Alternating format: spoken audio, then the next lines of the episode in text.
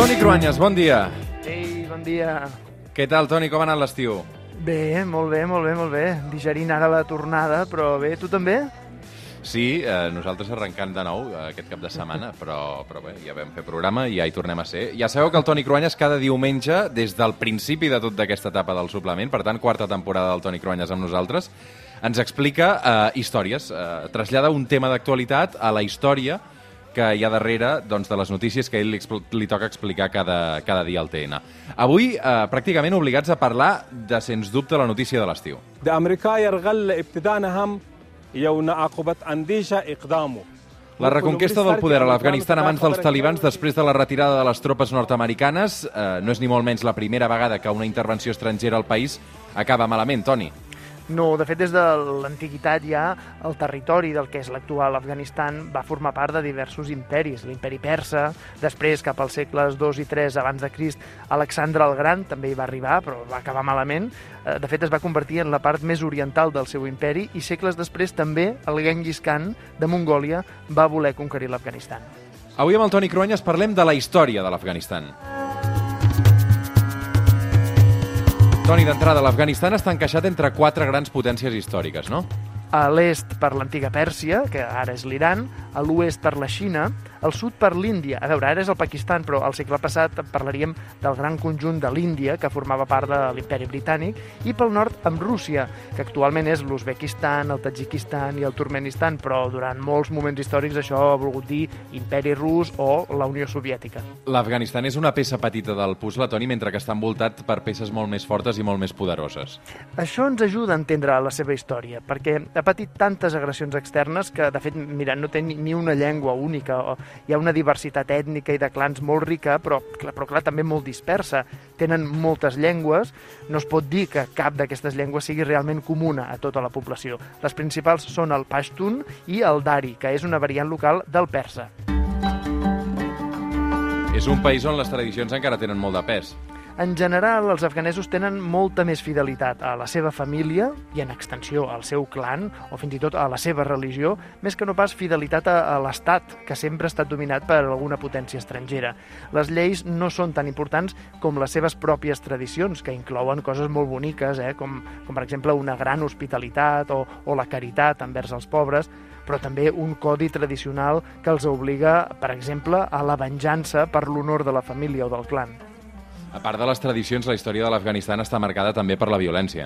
Sí, sobretot de lluites entre clans i també d'atacs estrangers. De fet, com a estat unitari, l'Afganistan va començar a existir al segle XVIII i perquè hi havia un rei o un emir, depèn de si en aquell moment l'islam era més o menys preponderant, i aquest rei o emir estaven al capdamunt d'una jerarquia que, de fet, era una suma, un equilibri de pactes entre clans i regions amb molt poc en comú, més que defensar-se dels enemics externs. Enemics estrangers com l'imperi rus o el britànic.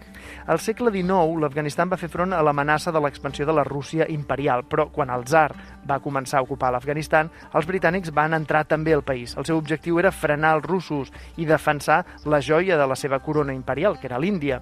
Però els afganesos van lluitar tant contra els russos com contra els britànics, contra els que van guanyar fins a tres guerres, ja entrat al segle XX. Allò va unir molt el poble afganès. Va generar, per primera vegada, una veritable identitat afganesa compartida.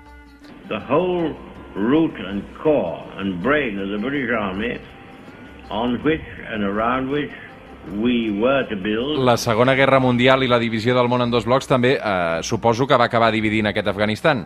Sí, el govern de Kabul va intentar mantenir una relativa neutralitat i equidistància entre les dues noves superpotències, els Estats Units d'Amèrica i la Unió Soviètica, però tot va canviar quan l'any 1979 el Kremlin va ordenar la invasió de l'Afganistan. Escolta'm, i aquí la Unió Soviètica què pintava l'Afganistan? A veure, hi va haver una revolució interna a l'Afganistan que va fer caure el rei l'any 1973 i, i que després hi va haver una segona revolta, aquesta d'inspiració comunista, que va voler establir per primer cop una república democràtica d'Afganistan.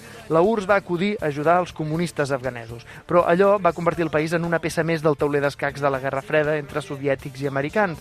Per crear una crisi i desestabilitzar el govern de Moscou, des de Washington es van finançar guerrillers islamistes que lluitaven contra els comunistes.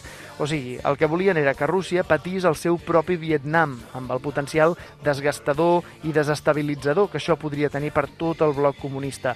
La CIA va crear l'anomenada Operació Cicló, que va armar i ensinistrar els islamistes que després es van convertir en veritables terroristes anticomunistes.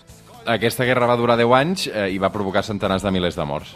Els soviètics, per guanyar aquella guerra, van fer servir els armaments i les tàctiques més brutals i repressives. Van destruir completament pobles, van aniquilar ciutats senceres. Allò va fer augmentar la popularitat i la influència dels mujahidins i, efectivament, els russos van començar a marxar de l'Afganistan el 1989, que és el mateix any que va caure el mur de Berlín i va començar la crisi definitiva del bloc comunista. O sigui que els americans van aconseguir fer caure la Unió Soviètica a, a través precisament de l'Afganistan, no? Sí, encara que ells mateixos van plantar la llavor de l'amenaça que tornaria contra ells, contra els Estats Units, d'11 anys més tard. Hi ha hagut l'ensorrament d'una de les dues torres bessones del World Trade Center. És una Mira, aquest és el moment en què el Kilian Sabrià, aquí en directe a Catalunya Ràdio, retratava l'enfonsament de la primera torre bessona l'11 de setembre del 2001. De fet, d'aquí una setmana només farà ja 20 anys va sembrar la llavor dels atentats de l'11S a Nova York, que, que, com dèiem, dues dècades ja. És que, clar, no hi ha cap fet històric que no vingui determinat per un d'anterior, i és que l'11 de setembre del 2001 el va idear Osama Bin Laden i Al-Qaeda des de l'Afganistan, on estaven refugiats i estaven protegits pels talibans.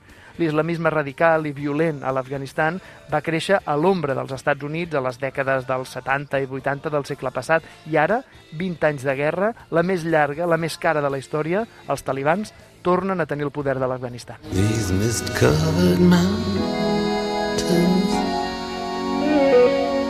Avui arribarem a les 9 del matí amb una cançó antimilitarista, és del Brothers in Arms dels Dire Straits, tot un clàssic dels 80. Toni Cruanyes, gran temporada per davant, una abraçada ben forta. Segur que sí, una abraçada.